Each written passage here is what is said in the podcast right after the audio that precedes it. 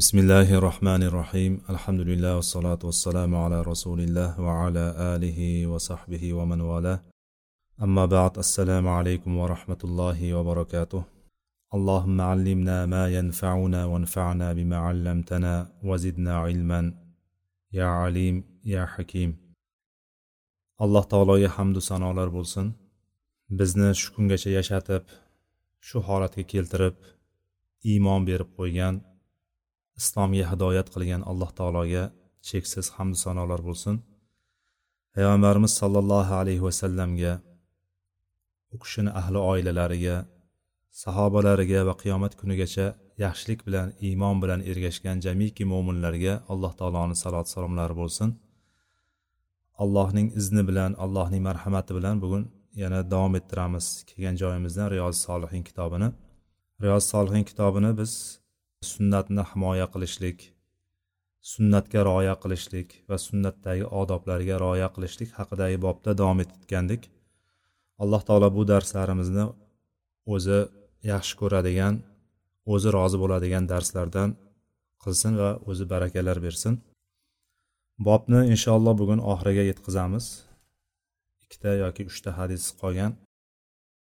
O'sha hadislar bilan bugun imkon boricha qo'limizdan kelganicha shularni o'qib ma'nolari bilan tanishamiz. bir yuz yetmishinchi hadisga kelib to'xtagan ekanmiz. Biroz albatta sekin ketyapmiz.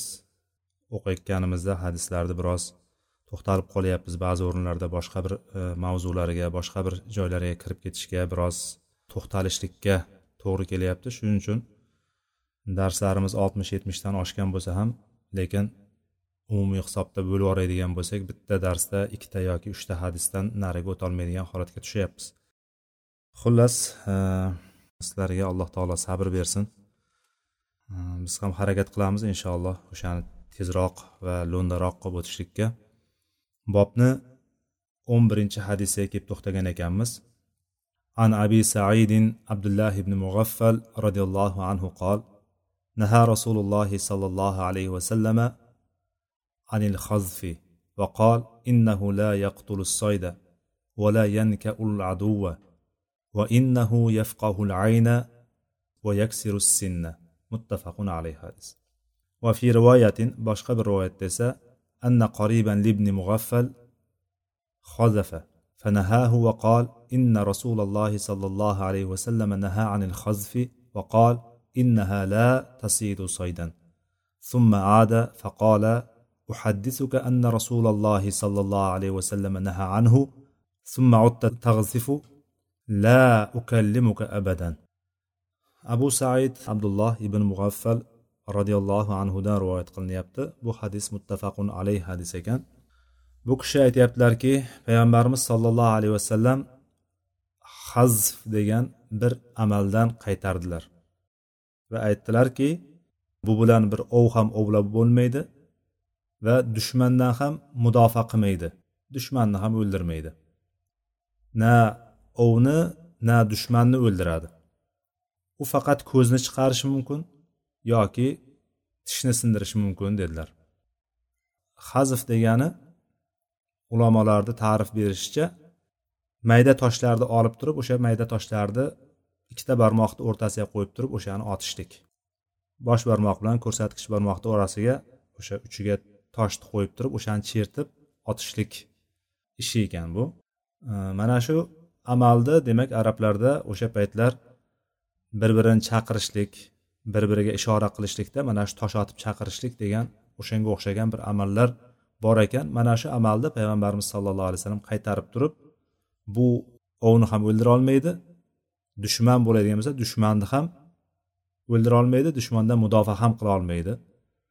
Bu faqatgina ko'zni chiqarishi mumkin tishni sindirishi mumkin deb turib aytgan ekanlar. Qaytarishligini sababi mana shu bo'lgan. Boshqa bir rivoyatda kelishicha ibn mug'affalni ya'ni abdulloh ibn mug'affal mana hadisimizni roviysi abdulloh ibn mug'affalni bir yaqin qarindoshi qoriban deganda qorib yaqini qarindoshi mana shu ishni qilyapti ekan. Ya'ni o'sha mayda toshlarni olib otib o'ynayapti ekan. Shunda uni qaytardida buni bunday qilmagin dedida sababini ham aytdi. Payg'ambar sollallohu alayhi vasallam mana shunday tosh otishlikdan mayda toshlarni otib o'ynashlikdan qaytardilar va aytdilarki bu bilan ov ovlanilmaydi deb aytdilar. Ya'ni inson mayda tosh bilan albatta ovda ovlanmasligi ma'lum endi. Buni endi agar e, biz bilganimiz shu rogatkaga qo'yib turib otadigan bo'lsak qushlarni o'ldirishi mumkin xolos. Lekin qo'l bilan bunday otib o'ynashlikda qo'l bilan bunaqa mayda tosh bilan. Biron bir ovda ovlab bo'lmaydi. Shunday deb turib qaytardilar. Summaada boyagi uni yaqini abdulloh ibn mug'affalni yaqini yana mana shu ishni qildi. So'ngra bir qanchadir muddat o'tdimi bu yerda summa o'zi odatda keyin qachondir qilinganligiga dalolat qiladi. Ya'ni bevosita shuni orqasidan qilinganligi ham kelib chiqishi mumkin yoki bundan keyin qachondir qilganligi ham kelib chiqishi mumkin. Kunlar o'tgandir balki oylar o'tgandir balki biron soat o'tgandir balki bevosita shuni orqasidan bo'lgandir. Xullas u mana shu gapni aytib payg'ambarimiz bundan qaytarganlar degandan keyin yuzaga kelganligi kelib chiqyapti. Qisqacha qilib aytadigan bo'lsak o'shandan keyin yana buni qaytardi o'sha ishini yana o'sha mayda toshlarni otib o'ynadi. Shunda abdulloh ibn mug'affal aytdilarki men senga rasululloh sollallohu alayhi vasallam bundan qaytarganlar desam sen yana davom etyapsanmi shunda? La ukallimuka abadan dedilar. Sen bilan hech qachon gaplashmayman deb turib boyagi qarindoshini yaqinini mana shunday deb turib o'shandan keyin gaplashmasdan o'tdi. Mana shu hadis. Bu hadisni imom navoiy rahimaulloh mana shu bobga qo'ydi. Ya'ni sunnat va sunnatdagi odoblarni sunnat va sunnatdagi odoblarni himoya qilishlik va o'shanga rioya qilishlik haqidagi bobga qo'ydiki bu sunnatdagi bitta odob bir tarafdan hadisdagi sunnat payg'ambarimiz sallallohu alayhi vasallam sunnatlaridagi bitta odobni olamiz bundan. Ikkinchi tarafdan bo'ladigan bo'lsa sunnatni qarshisida ya'ni sunnatga biz qanday hurmat ko'rsatishligimiz kerak. Bir tarafdan hadis aytilgan paytda hadisdan hukm chiqarib berilgan paytda biz qanday o'zimizni tutishligimiz kerak. Mana shu haqda bu hadis bizga bayon qiladi. Bu hadisni ma'nolariga sharhiga kirishmasdan oldin abdulloh ibn mug'affal haqida ozgina bir to'xtalsak. Abdulloh ibn mug'affal bizni mana shu riyoz solihin kitobimizni boshidan kelayotgan bo'lsak bir yuz yetmishta hadis o'qigan bo'lsak ilk keldi birinchi marta keldi. Bu kishini ismi birinchi marta keldi roviy bo'lib. Abdulloh ibn mug'affar roziyallohu anhu payg'ambarimizga hudaybiyada daraxt tagida bayat bergan sahobalardan biri bo'lgan. Alloh taolo mana shu daraxt ostida payg'ambarimiz sollallohu alayhi vasallamga bayat bergan sahobalardan hammasidan alloh taolo rozi bo'lgan. Mana shu kunda bayat bergan sahobalardan muzayna qabilasidan bo'lgan abu said yoki ba'zi rivoyatlarga qaraganda abu ziyod degan kunyasi bilan mashhur bo'lgan sahoba ekan. Shuning uchun bu yerda ikkita kunyasini biz aytdik. Hozir abu said yoki abu ziyod. Imom navaviyni u kishini o'zini qanoatiga ko'ra imom navaviy roviylar tanishtirib ketayotgan paytda yuqorida aytganimizdek ismlarini berib ketadi. Ba'zan ismlari bilan emas ba'zi bir laqablari bilan tanilgan sahobalarni yoki kunyalari bilan tanilgan sahobalarni to'liq ismini berib ketadigan odati bor edi yoki ismi bilan ismini bilamizu lekin kunyasini bilmaydiganlarimizni kunyasini berib ketardi. Imom navaviy bu o'rinda bu kishini abu said deb turib aytib ketdi. Demak bu kishini qanoati abu said ehtimoli kattaroq bo'lgan kunyani bu kishi mana shuni olgan. Demak ko'proq abu said deb turib tanilgan deb imom navaviy bizga bu bilan e, qandaydir bizga ishora qilib ketyapti shu yerda. Bu kishi faqir sahobalardan bo'lgan. Faqir kambag'al sahobalardan bo'lgan. Tabuk g'azotini bilamiz. Tabuk g'azotini payg'ambarimiz sollallohu alayhi vasallam oldindan e'lon qilingan boriladigan joy uzoq bo'lganligi va qoq jazirama issiq kunlarga yozni uzun isitgan paytlariga to'g'ri kelganligi va ikkinchi tarafdan bo'ladigan bo'lsa madina ahlida xurmolarini mevalarini yig'adigan va o'sha butun bir yillik daromadini oladigan mavsumga to'g'ri kelganligi uchun payg'ambar sollallohu alayhi vasallam oldindan e'lon qilganlar. O'sha e'lon qilinganda tabuk g'azotida odamlar kelib uzrni aytib ketishdi. Xosatan munofiqlar kelib turib uyimiz avratdir. Ya'ni uyimizni buyog'i ochiq uyog'i ochiq uyimda ba'zi narsalarni qilib olishligim kerak bunday qilishim kerak. Har xil bahonalar bilan qildi.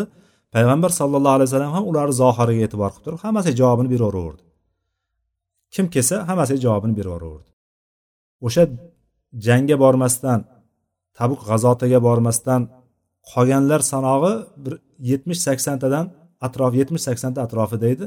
Bularda bilamiz biz oldin kabi molik qissasini va tavba bobida biz o'qiganimiz o'sha uzun qissani esimizga olishimiz mumkin. Mana shu holatda yana bir toifa insonlar bor ya'ni hozir aytganimiz uzrsiz qolib ketdi uchta sahoba uzrsiz qolib ketdi. Va bular ellik kun davomida ularga gaplashilmadi ular bilan. Ularni hamma narsadan ajratib qo'yildi. Oxiri ularni tavbalari qabul bo'lib turib alloh taolo ularni tavbalarini qabul bo'lganligidan oyat nozil qildi. Bu bitta toifa edi. Endi o'rtada bir yetmish sakson kishi bor. Yetmish sakson kishi jangga borishlikka jihodga chiqishlikka qurb yetadigan layoqati bo'lgan ot ulovi bo'lgan kishilar bor edi. Bular munofiqlar bor edi. Mana shu munofiqlarni payg'ambarimiz sallallohu alayhi vasallam zohiriga qarab turib bo'pti bo'pti deb turib hammasiga kim nima uzr aytsa ho'p ho'p deb turib hammasiga uzrni qabul qilib turib javobini beravergan. Shularni ichida endi bundan uchinchi toifa insonlar bor. Bularni ichida emas ya'ni munofiqlar ichida emas bundan tashqari uchinchi toifa insonlar borki bular faqir bo'lgan kambag'al bo'lgan. Kambag'al bo'lganligidan kelib turib jihodga chiqishlikka chunki har kimni ulovi bo'lishi kerak. Oti eshagi tuyasi ya'ni o'shanga minib jihodga chiqishligi va qurol aslahasi bo'lishligi kerak bo'lgan.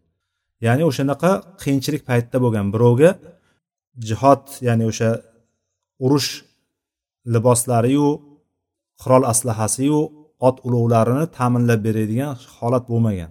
Hamma o'shanaqa tangchilik paytida bo'lgan. Xullas o'sha sahobalardan bir toifasi kelib turib menga meni minib boradigan narsam yo'q menga bir minib boradigan narsa topib bering men ham bormoqchiman deb turib kelganda unga bir minadigan narsa topib bera olmasdan ulov topib bera olmasdan ularni orqasiga sizlar qolaveringlar. Sizlarga boshqa choramiz yo'q sizlarni olib ketolmaymiz bizga piyoda ketadigan bo'lsa ham bizga yuk bo'lasizlar piyoda olib ketolmaymiz chunki masofa uzoq. Ulov bo'lishi kerak deb turib qaytarib yuborganda bular yig'lab orqaga qaytib ketishgan.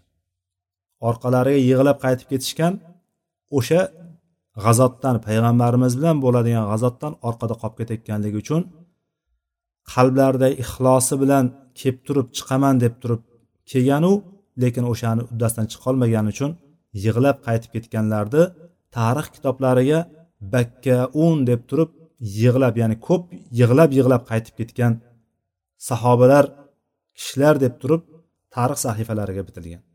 Hatto buni oyatda ham zikr qildi alloh taolo. Mana shu yig'lab orqasiga qaytib ketganlarni ichida abdulloh ibn mug'affal roziyallohu anhu ham bor edi. Tabuk g'azotiga kelib payg'ambarimizdan ulov so'rab lekin ulov bo'lmaganligi uchun yig'lab qaytib ketganlar ishda demak abdulloh ibn mug'affal ham bo'lgan. Alloh taolo bu haqda tavba surasini to'qson ikkinchi oyatda aytadiki yana sizlarga jangga minib borish uchun ot ulov so'rab kelgan vaqtlarida ularga sizlarni mindirib yuboradigan ulov yo'qku deganingizda jihod uchun ishlatiladigan biror narsa topa olmaganlar uchun g'amgin bo'lib ko'zlaridan yosh to'kib qaytib ketgan kishilarni ham ayblashga hech qanday yo'l yo'qdir deydi. Ya'ni ularda gunoh yo'q. Hozir aytganimiz uchta toifani sanab chiqdik. Abdulloh ibn muhaffal ilmda jihodda kuchli sahobalardan bo'lgan.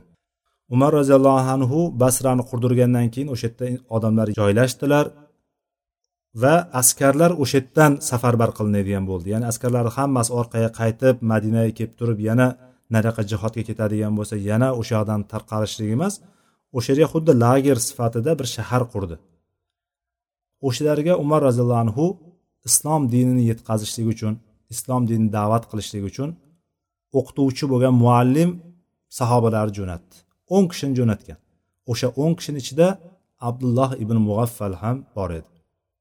Abdulloh ibn mug'affal o'sha basrada o'sha yerga yerlashib joylashib o'sha yerda ta'lim berib o'sha yerda yashadi va o'sha yerda vafot etdi. ellik to'qqizinchi hijriy sanada basrada vafot etdi. Alloh taolo u kishidan rozi bo'lsin. U kishini vasiyatiga ko'ra janozasini ham abu barza al aslamiy roziyallohu anhu qildirgan ekan. U kishidan bizga naql etilingan rivoyat qilingan hadislar soni qirq uchta ekan. Endi hadisni matniga kiradigan bo'lsak hadisni matnida payg'ambar sollallohu alayhi vasallamdan kelgan bir odob bizga zikr qilinyapti. Payg'ambarimiz sollallohu alayhi vasallam shunday bir zot edilarki biron bir yaxshilik yo'li yo'qki albatta o'shanga dalolat qilganlar. Biron bir yaxshilik yo'li qolib ketmagan. Biron bir biz yaxshilik bo'lsa kerak shu yerda degan narsani birontasi qolib ketmagan. Albatta o'shanga ishora qilganlar o'shani ko'rsatganlar o'shani o'rgatganlar. Biz ummatga biron bir yaxshilik yo'li qolib ketmagan. Shu mayda ikir chikirlardan tortib to katta katta ibodatlarigacha biron bir narsa qolib ketmagan hammasini yetkazgan. Va xuddi shuningdek biron bir yomonlik shar yo'llari qolib ketmadiki hammasini payg'ambarimiz sallallohu alayhi vasallam bayon qilib ketganlar. Ya'ni din mukammal keldi. Dinda biron bir kamchilik yoki bir ziyodalik degan narsa yo'q. Din mukammal bo'lib keldi. O'sha dinni mukammalligini alloh taolo payg'ambar sallallohu alayhi vasallamni risolatlarini payg'ambarlik davrlarini oxiriga kelib turib al yawma akmaltu lakum dinakum va atmamtu alaykum ni'mati va raditu lakum al dina deb turib aytgan. Men bugun sizlar dinlaringni komil qildim degan. Va ne'matimni sizlar ustlaringda ne'matimni oxirigacha yetkazdim va sizlardan faqatgina islomni rozi bo'ldim deb turib olloh aytgan. Dinda demak bizni dinimizda islom dini bu faqatgina dindorlargina namozxonlargina qiladigan narsa emas din butun hayot degan.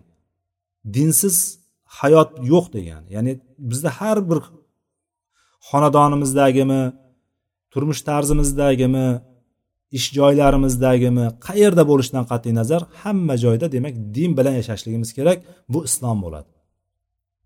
Va islom dinida shunaqa bir biz balki e'tiborimizdan qochib qoladigan narsalar ham borki lekin o'sha narsaga ham ishora qilib ketilgan.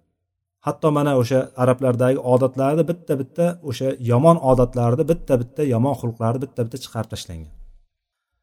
O'shalarni bitta odati bor ekanki shu tosh otib bir birini chaqirishlik tosh otib turib bir birini balki shu tosh otib o'ynashlik shunga o'xshagan bir katta tosh emas bilganimiz kichkina kichkina toshlar toshchalar. Masjidda ham o'tirgan paytda hozirgi kunday gilamlar yoki pollar qilinmagan edi u paytlar. Payg'ambarimizni masjidlarini bir qismi tepasi yopilgan bo'lsa tepasi yopilgan qismi ham xurmo shox shabbalari tashlab qo'yilgan edi quyosh nuri ichkariga tushadigan darajada ya'ni o'sha sizib o'tardi quyosh nuri. Yomg'ir ko'proq yog'adigan bo'lsa ichkariga o'tib ketardi ya'ni. Shunaqa yopilgan qismi ham mana shunaqa holatda bo'lgan. Hozirgi kundagi masjidi nabaviyni ko'rib turib mana shunday bo'lgan ekan degan tasavvurga kelmaylik. Bir qismi shunaqa yopiq ikkinchi qismi ochiq bo'lgan tagi mana shunga o'xshab mayda qum toshloq mayda qumlar mana shu mayda toshlar bo'lgan. O'sha masjidda o'tirganda ham odamlar o'tirib u oldinda o'tirganligini qo'liga shu toshchani olib turib chertib chaqiradigan mana shunga o'xshagan bir odatlari bo'lgan. Mana shu odatni yomon bir odat ekanligini bu faqatgina bir insonlarga zarar berishi mumkin ekanligini ko'rsatib payg'ambarimiz bundan qaytarganlar va o'shani aytganlarki bu bir ovni ham o'ldirmaydi dushmanni ham dushmandan ham himoya qilmaydi. Dushmanga ham qarshi qo'llana olmaysan buni. Bir ov qilaman desang ovga ham qo'llana olmaysan buni dedilar. Bu faqatgina birontasini ko'ziga tegib qoladigan bo'lsa ko'zini chiqaradi yoki og'ziga tegib qoladigan bo'lsa tishini sindiradi dedilar. Demak bu boshqa bir kishiga zarar jihati kelib chiqyapti. Albatta zarar beradi bir joyga tegadigan bo'lsa yo bir faqatgina ko'ziga yoki tishiga tegishli emas boshqa joyiga tegadigan bo'lsa ham biroz og'ritadigan bo'lsa o'rtada g'ilg'ashlik bo'ladi. Boyagi oralarni sovishiga buzilishiga o'sha baqir chaqir bo'lishiga biroz jizzakroq odamga tegib qoladigan bo'lsa oldida o'tirgan jizzakroq odam bo'ladigan bo'lsa o'sha yerda bir janjal bo'lib ketishligi hech gap emas. Mana shu narsani oldini olib turib payg'ambarimiz sallallohu alayhi vasallam qaytardilar. Bu demak sunnatdagi odoblarga kiradi. Bu sunnatdagi odoblar agar bizda ham shunaqa odatlar bo'ladigan bo'lsa bu narsadan to'xtashligimiz kerak bu narsani qilmasligimiz kerak. Masalan hozirgi kunga bunga o'xshab ketadigan bir holatni zikr qilishimiz mumkin aytishimiz mumkin. Masalan ikkinchi etaj yoki uchinchi etajda turadigan kishilar bor deylik. Eshigidan borishga erinamizda pastdan turib kichkina mayda toshlarni olib turib derazasiga otamiz. O'xshaydimi shunga? O'xshamaydimi o'xshaydi. Boyagi tosh sal qattiqroq otadigan bo'lsak derazasini sindirishi mumkin. Nima qilyapmiz? Zarar beryapmiz. Yoki otgan paytimizda derazasi ochiq bo'ladigan bo'lsa ichkarida turgan bir bolaga yoki o'ziga birontasiga tegib turib biron ko'zini chiqarishi tishini sindirishi mumkin ham. Ya'ni mana shunaqa bir holatlarda ham demak sunnatga biz qaytishimiz kerakki bu narsa mayda toshlarni otib chaqirishlik mayda toshlarni o'sha otib turib bir birimizga bir ishora qilishlikdan qaytarildikmi demak bu narsadan qaytishligimiz kerak. Mana shu sunnatga amal qilishligimiz kerak rioya qilishligimiz kerak. Bu rivoyatni boshqa bir holat boshqa bir rivoyatda kelyapti boshqa bir hadisda.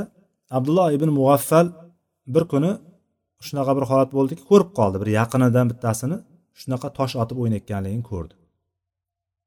Buni ko'rdida boyagini ogohlantirdi. Ey bunday qilmagin deb orqasidan nimaga biz bir narsani qilmagin deyishligimizni bir sababi bo'lishligi kerak. Aytyaptiki payg'ambar sallallohu alayhi vasallam bundan qaytardilar va bun bilan ov ovlanilmaydi dedilar deyapti. Sababini aytdimi? Ya'ni bizda ham odatlar bor shumlanishliklar bor. Ya'ni ota ona tepadan o'tib kelgan ya'ni kim aytdi desa bilmayman shu o'zimizni urfimizda bor bunimizda bor ota bobomiz shunaqa degan deb keladigan narsalar bor. Masalan har xil narsalar. Ya'ni biz bir narsani bo'ladi bo'lmaydi deyishligimizdan oldin bir dalilga tayanishligimiz kerak. Deylik supurgini tikka qilib qo'yibdi. Supurgini nimaga tikka qilib qo'yib mumkin emas bunday qilib qo'yishlik. Bir sababi bormi buni deydigan bo'lsangiz yo'q qilma deydi yomon bo'ladi shu deydi. Bizda yomon bo'ladi degan gap bor yomon bo'ladi. Qilma buni yomon bo'ladi. Unday qilma yomon bo'ladi unday qilma yomon bo'ladi. Lekin ba'zilarini haqiqatda borib qidirib oxiriga yetaman deydigan bo'lsangiz ba'zi bir narsalarga tayangan jihati kelib chiqadi. Lekin biz bunday ko'r ko'rona qilishligimiz kerak emas. Biz muallim sifatida muallima sifatida bolalarimizga tarbiya beramiz. Yoki bilmaganlarga bir narsalarni o'rgatamiz. Ana o'shanda biz shunga odatlanaylikki gapirganda albatta bir gapimizni orqasida bir narsadan qaytarayotgan bo'lsak yoki bir narsaga buyurayotgan bo'lsak xossatan. Buyurish yoki qaytarish ishlarida bir tayangan bir dalilimiz bo'lsin o'shanga. Aytayotgan paytimizda orqasidan qo'shib ham qo'yaylikki mana shunday qilmagin bolam. Bundan payg'ambarimiz qaytarganlar. Chunki bu ko'zini chiqarishi mumkin. Bola tushunadigan tilda gapirishimiz kerak. Bu ko'zini chiqaradi odamni bittasiga tegib qolgan ko'zini chiqarishi mumkin. Yo uyoq bu yog'ini ko'kartirishi mumkin yoki tishini sindirishi mumkin deb turib bolani tilida tushuntirishimiz kerak sababini aytib qo'yishligimiz kerak. Bolalar ertaga otam shunday degan onam shunday degan deb turib bu yomon bo'ladi deb turib ketmasin. O'shani qayerdan kelib chiqqanligini sababini bilsin bu narsa fazilat bo'ladi bu. Ertaga kimgadir gapirayotgan paytda buni payg'ambarimiz aytgan payg'ambarimiz qaytargan deb turib dars bera oladigan odob bera oladigan joyga keladi. Mana bu kishini ham abdulloh ibn mug'affal ham o'sha qarindoshiga payg'ambarimizni so'zlarini dalil qilib keltiryaptiki payg'ambarimiz qaytargan. Ya'ni o'zicha fikrlab aytmayapti bu narsanida o'sha dalilga tayanib aytyapti. Lekin bu qarindoshi sunnatga e'tiborsizlik qildi. Mana shu sunnatga ya'ni payg'ambarimizni qaytargan narsalariga e'tiborsizlik qildi. Bu balki o'sha ataylab sunnatni men sunnat bo'lsa ham qilaveraman degan maqsadda qilmagandir balki bu. Lekin odat bo'lib qolgandir. Ba'zi bilamiz odatlarni tashlashlik qiyin. Odam o'zini ustida ancha ishlashligi kerak. Ba'zi bir yomon odatlarni tashlashlik qiyin. Xosatan yomon odatlarni. O'zi chunki insonlarda yaxshi odatlar kam bo'ladi yomon odatlar ko'p bo'ladi. Yomon odatlarni o'rganish ham oson bo'ladi va tashlash qiyin bo'ladi.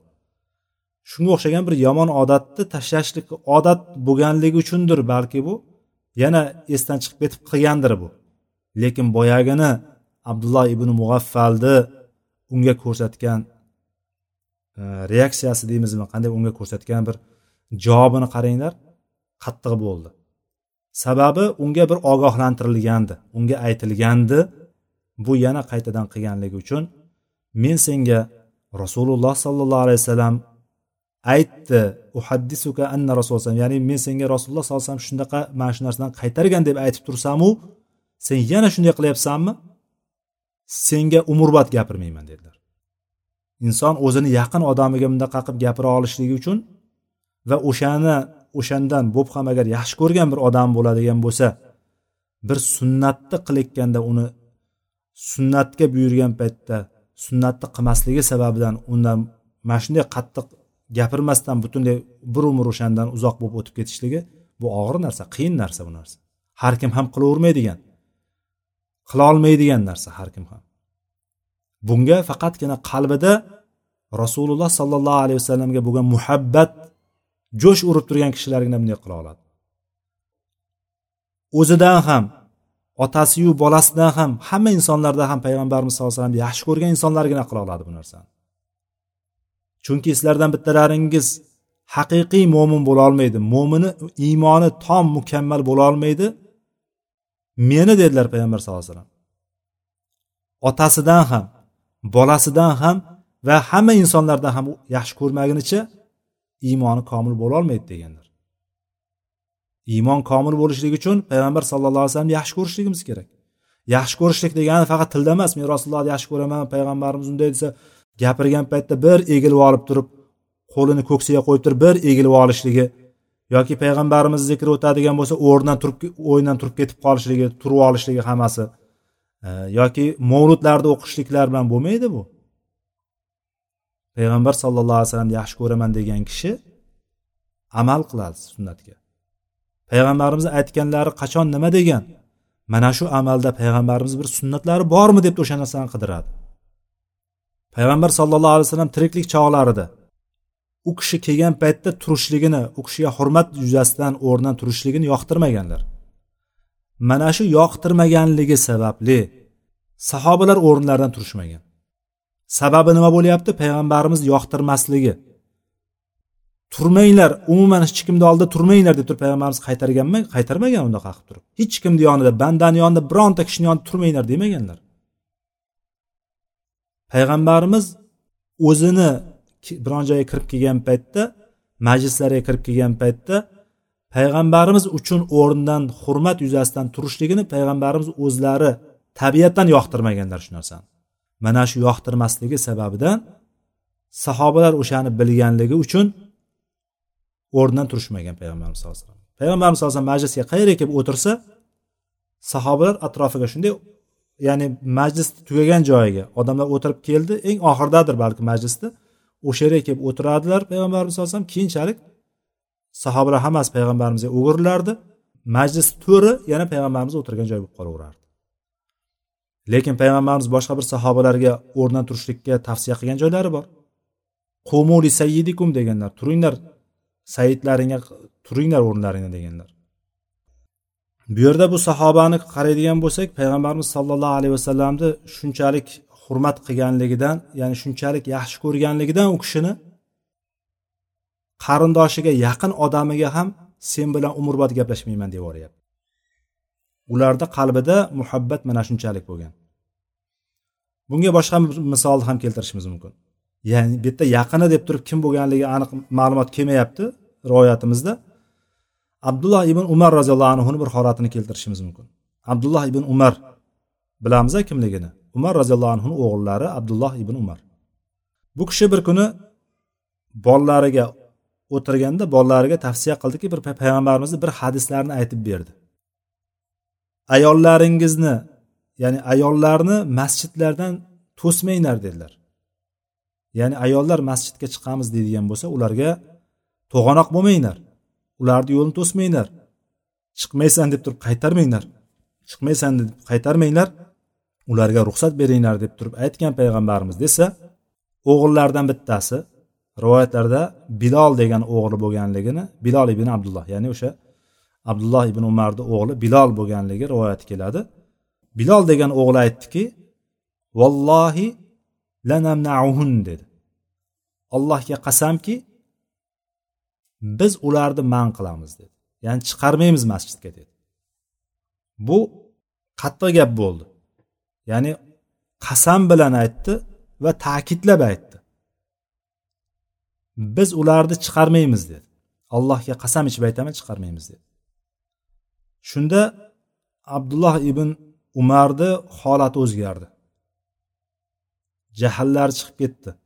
Shunaqa jahl qildilarki boyagini qattiq urishdi deydi qattiq so'kdi deydi hali bunaqa umuman so'kmagan deydi shunaqa qattiq urishib so'kdi deydi boshqa bir rivoyatlarda urganligi keladi va boshqa bir rivoyatda o'shani urib so'kkandan keyin aytadiki senga umrbod gapirmayman deydi bu o'g'li biz hozirgi hayotimizga qaraydigan bo'lsak ba'zi bir e, sabablarni bilan ba'zi bir sabablar bilan odamlar bolalari bilan yuz ko'rmas bo'lib ketayotganligi aka uka bir bilan yuz ko'rmas bo'lib ketayotganligini ko'ramiz. Arzimagan bir dunyoviy masalalar narsasi uchun. Lekin bu yerdagi payg'ambarimiz sollallohu alayhi vasallam aytdi deb turgan paytda u birdaniga qarshilik berib turib biz allohga qasamki chiqarmaymiz deyishligi umar roziyallohu um, ibn umarga qattiq botdida bu narsa bilan umuman u bilan gaplashmasdan o'tib ketdi deb keladi. Umrbod gapirmasdan o'tib ketdi o'sha o'g'liga. Nima uchun? Bitta o'sha gapi uchun. U o'g'li ham sababi bor edi. U o'g'li ham biroz rashqi kuchliroq edi va uni qaytarishlikdan ayollar o'sha paytlar o'zgarib ayollarni holati ham o'zgargan. Shu odamlarni ham ahvoli o'zgarganligi uchun fitnalar bo'ladi boshqalar bo'ladi deb turib o'shandan man qilgandi. Lekin bu yerdagi uni olgan ta'zir berganligi ibn ubarni uni bevosita qarshi chiqqanligi. Ya'ni payg'ambarimiz davrida odamlar bunaqa bo'lib ketgandi boshqacha edi. Ayollar ham boshqacha tutardi o'zini. Hozir odamlar ham ayollar ham tutishi o'ziga o'zgarib ketib qoldi. Shuning uchun chiqarmayman desa balki ibn umar boshqacharoq yondashgan bo'lardi ey nima deyapsan?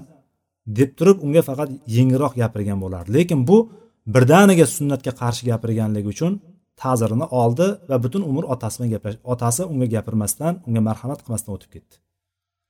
Mana bu narsani ko'ramizki sahobalar sunnatni payg'ambarimizni aytgan gaplarini hadislarni qanchalik ulug'laganligi qanchalik hurmat ko'rsatganligini ko'ramiz. Mana bu bizlarga dars bo'lishligi kerak. Biz ham sunnat qarshisida mana shunday o'zimizni o'rnimizni olishligimiz kerak. Ya'ni bu degani bittasiga sunnatni gapirib qo'ysangiz sunnatni yetkazsangiz yetkazgandan keyin u o'sha narsani qabul qilolmasa masalan deylik e, tushuna olmadi yoki o'sha narsani e'tiborsizlik qildi. Endi bu degani u bilan umrbod gaplashmasdan o'tib ketishlik degani emas buni biroz yotig'i bilan tushunishligimiz kerak. Birinchi biz ularga o'sha sunnatni yetkazgan odamimiz agar yana o'shanga e'tiborsizlik qilayotgan bo'lsa birinchi sunnatni nima ekanligini tushuntirishligimiz kerak. Sunnat degani nima hadis degani nima? Hadisga bo'lgan bizni yondoshuvimiz qanaqa bo'lishligi kerak? Mo'minligimizni nima bilan baholaymiz? Mana shu narsalarni hammasini bir tushuntirgandan keyin ana o'shanda u hadisni eshitganda siz aytmasangiz ham o'zi boyagini mahkam ushlaydigan mahkam amal qiladigan bo'lib ketib qoladi. Lekin o'shanday holatda ham ba'zan inson tabiatda bo'ladigan narsa hozirgiga o'xshab turib ba'zi bir sabablarga ko'ra qabul qilolmaydigan bo'lib qolsa o'sha narsani qabul qilolmasa ana o'shanda unga biroz qattiqroq ta'zir berishlik kerak bo'ladi. Mana oysha onamiz roziyallohu anhoga ham bir ayol keladida so'raydi. Nima uchun deydi bir qiziq deydi. Nima uchun nima bo'ldiki deb savol nima bo'ldiki bu nima degani degandek qilib turib inkoriy savol beradi. Nima bo'ldiki ayollar ro'zani qazosini tutadida namozni qazosini o'qimaydi dedi. Kelib turib shunaqa qilib savol berdi oysha onamizga ya'ni uzrli paytlarida ro'za tutmaydi namoz ham o'qimaydiku lekin ro'zani qazosini tutib beradi namoznikini tutib bermaydi. Shunaqa deb savol berganda savolga javob ham o'sha qanaqa savol bersa xuddi shunaqa javob beradi. Chunki shunaqa bir qoida borki umumiy bu narsani ahli ilmlar o'rtasida ham topamiz mana oysha onamizda ham ko'rganmiz. Ya'ni hozirgi sahobalarni holatida ham ko'ryapmiz. Qanday salom berilsa xuddi shunday alik olishlik bor. Salomga yarasha alik bor. Salomga yarasha alik bor. Ya'ni bu keldida hayronman dedi. Bu ayollar nimaga dedi bunaqa? Ro'zani qazosini tutadida namozni qazosini tutmaydi dedi. Namozni qazosini o'qimaydi dedi. Shunda boyagiga qarab turib oysha onamiz haruriyalardanmisan dedilar. Haruriylar o'sha paytda xorijlar chiqqan joy edi o'sha joyni nomini aytib turib sen haruriylardanmisan? deb turib boyagiga birdan inkorni berdi. Unga ham javob shunday bo'ldi. U qanday savol bergan bo'lsa xuddi shunday javob berdi. U kelib turib so'rashi mumkin edi ey ummul mo'minin nima uchun biron bir sababi bormi? Ro'zani tutib turib qazosini tutib namozni qazosini o'qimasligimiz biron bir sabab bormi? desa javob boshqacha bo'lardi. Shunday degandan keyin yo'q men ulardan emasman. Bilish uchun so'rayapman deb keyin boyagi ayol javob bergandan keyin oysha onamiz davomini aytadilarki biz payg'ambarimiz davrida ro'zani qazosini tutishlikka buyurilardik namozni qazosini o'qishlikka buyurilmasdik deb javob beradi. Ya'ni bu yerda sunnatga nisbatan bizni yo'limiz mana shu bo'lishligi kerak. Tutgan o'rnimiz mana shunday bo'lishligi kerak. Qanday kelgan bo'lsa uni orqasida qanday bor bu o'zi aslida bizga foydasi bormi yo'qmi buni hikmati bormi yo'qmi degan narsani surishtirmasdan kelganini kelgandek qabul qilib turib shunday amal qilishlikka biz buyurilganmiz mo'minligimiz shu yerda bizni mana shunday holatda bo'lishligimiz kerak biz. Hadisda oysha onamiz aytadilarki oysha onamizni gaplari agar payg'ambar sallallohu alayhi vasallam bugungi kunda ayollarni qilayotganligini ya'ni o'zidan keyin ayollarni nima qilganliklarini ko'rsa edi masjidlarga chiqishlikdan to'sgan bo'lardi dedilar. Ya'ni bu holat o'sha payg'ambarimizdan keyin holatlarni o'zgarganligi hatto o'sha asr saodatda ham insonlarni holati o'zgarganligi kelib chiqyapti. Endi bugungi kunga keladigan bo'lsak biz qancha asr saodatdan payg'ambarimiz davridan qancha uzoqlashadigan bo'lsak shu kungacha masalan bir ming to'rt yuz o'ttiz olti yil o'tgan bo'lsa qancha uzoqlashadigan bo'lsak shuncha uzoqlashdik tashqi ko'rinishimiz bormi turmush tarzimiz bormi fikrlashimiz dunyoqarashimiz bormi hamma tomon o'zgarib ketdi. Endi hozir gapirmasak ham bo'laveradi degan joyga kelib qoldik.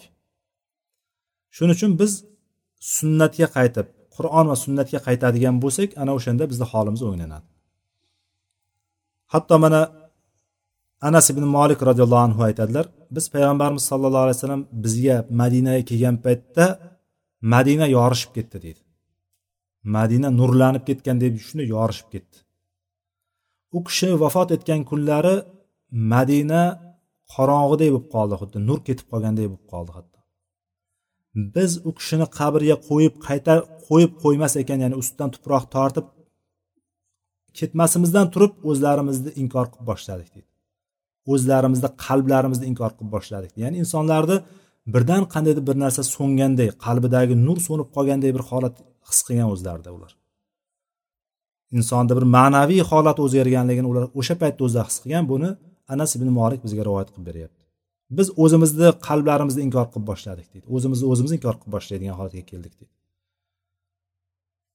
Shuning uchun demak biz sunnatga qattiq e'tibor berishligimiz mana bu sahobalarga o'xshab sunnatni qalbimizda joy olishligini payg'ambar muhabbatini rasululloh sollallohu alayhi vasallamga bo'lgan u kishini hurmatimizni qalbimizga joylashligimiz kerakda sunnatga mahkam amal qilishga harakat qilishimiz kerak ekan undan keyingi hadis bobni oxirgi hadisi وعن عباس بن ربيعة قال رأيت عمر بن الخطاب رضي الله عنه يقبل الحجر يعني الأسود ويقول إني أعلم أنك حجر لا تنفع ولا تضر ولولا أني رأيت رسول الله صلى الله عليه وسلم يقبلك ما قبلتك متفق عليه حديث muttafaqun alayhi hadisda kelyapti bu yerda abbos ibn robiyadan rivoyat qilinyapti u kishi aytyaptiki umar roziyallohu anhuni ko'rdim umar ibn xattob roziyallohu anhuni ko'rdim hajarni ya'ni hajarul asvatni o'payotgani qora toshni ya'ni o'sha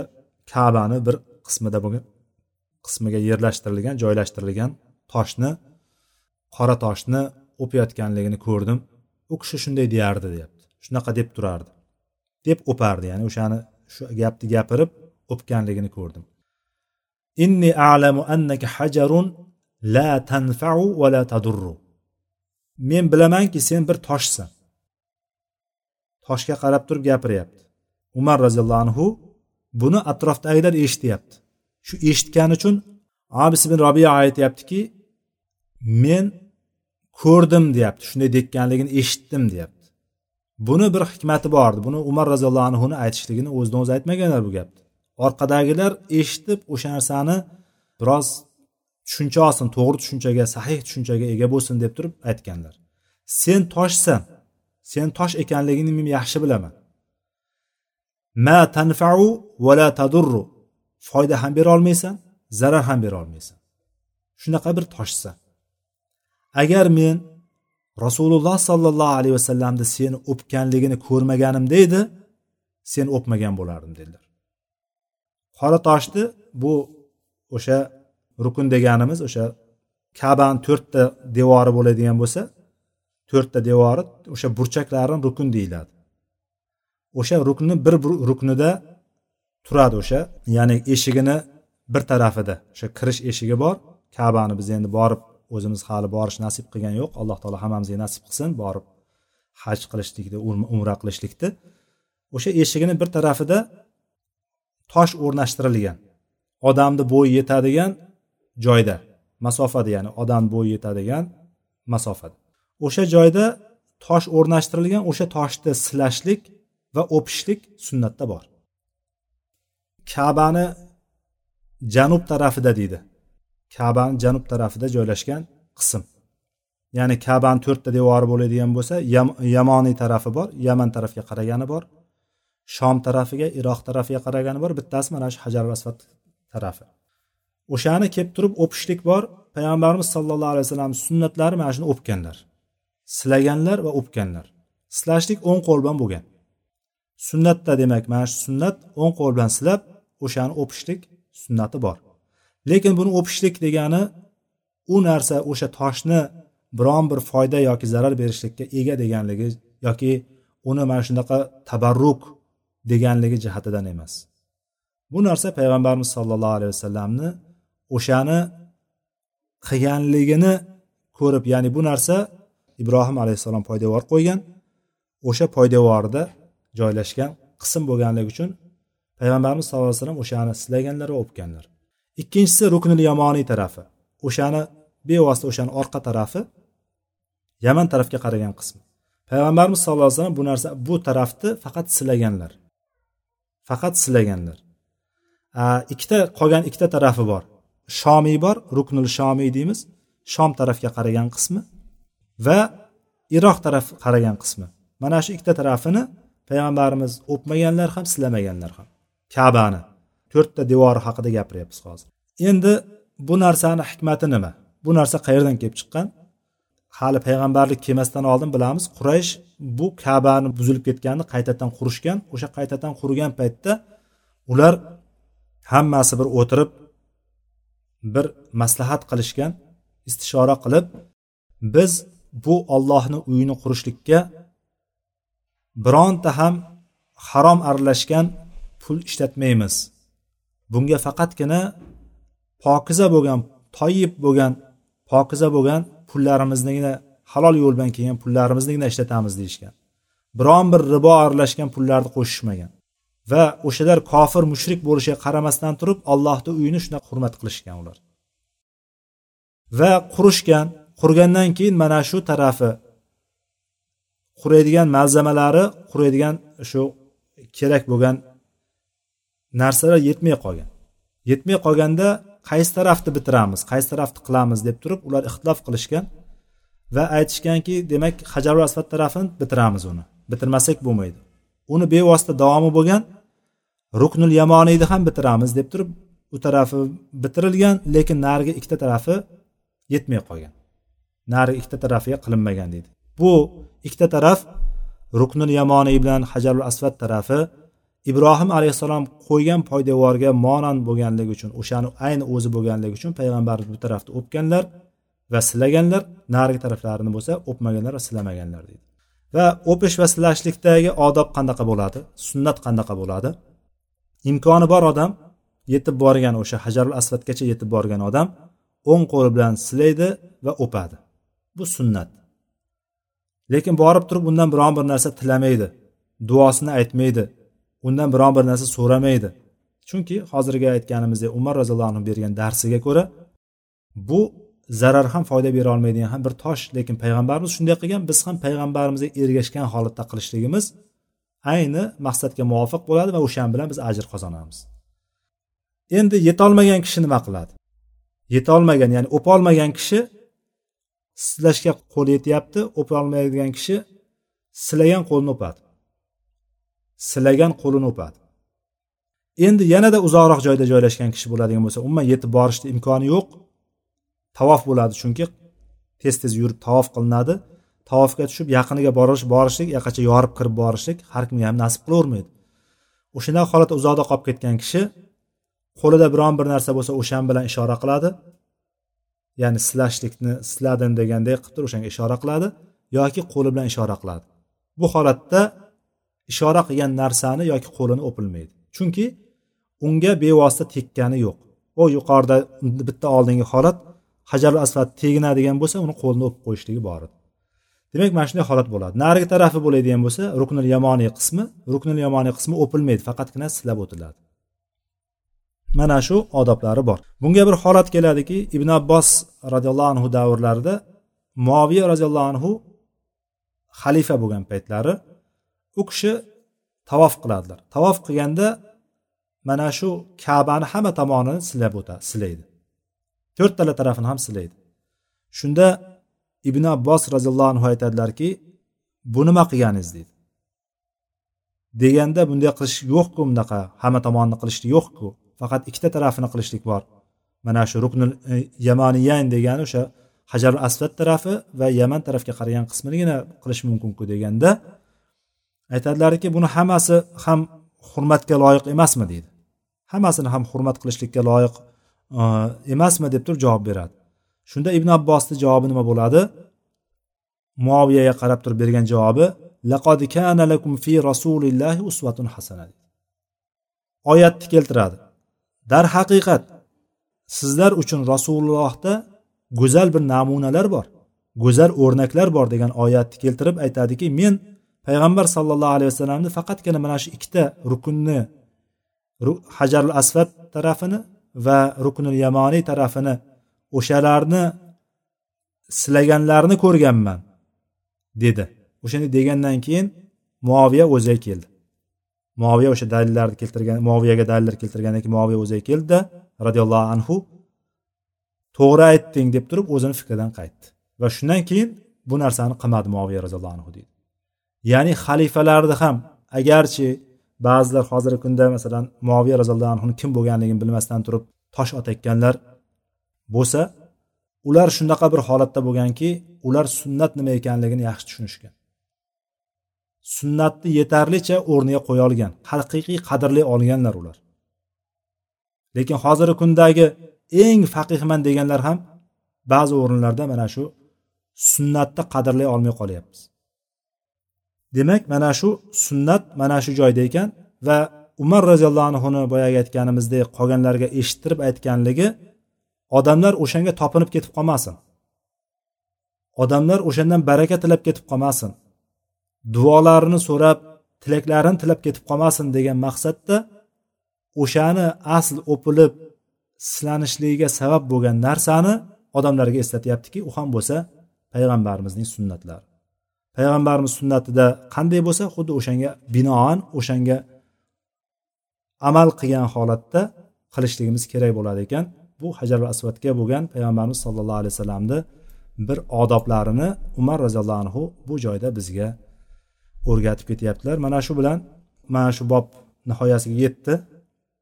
Alloh taolo mana shu o'rgangan eshitgan hadislarimizga oyatlarimizga o'rgangan bilimlarimizga alloh taolo baraka bersin manfaatli ilmlardan qilsin sunnatni haqiqiy suratda qadrlay oladigan payg'ambarimiz sollallohu alayhi vasallamga qalbimizga o'rnashtira oladigan muhabbatni alloh taolodan so'rab tavfiq so'rab darsimizni tamomlaymiz vallohu alam سبحانك اللهم بحمدك أشهد أن لا إله إلا أنت أستغفرك وأتوب إليك وآخر دعوانا أن الحمد لله رب العالمين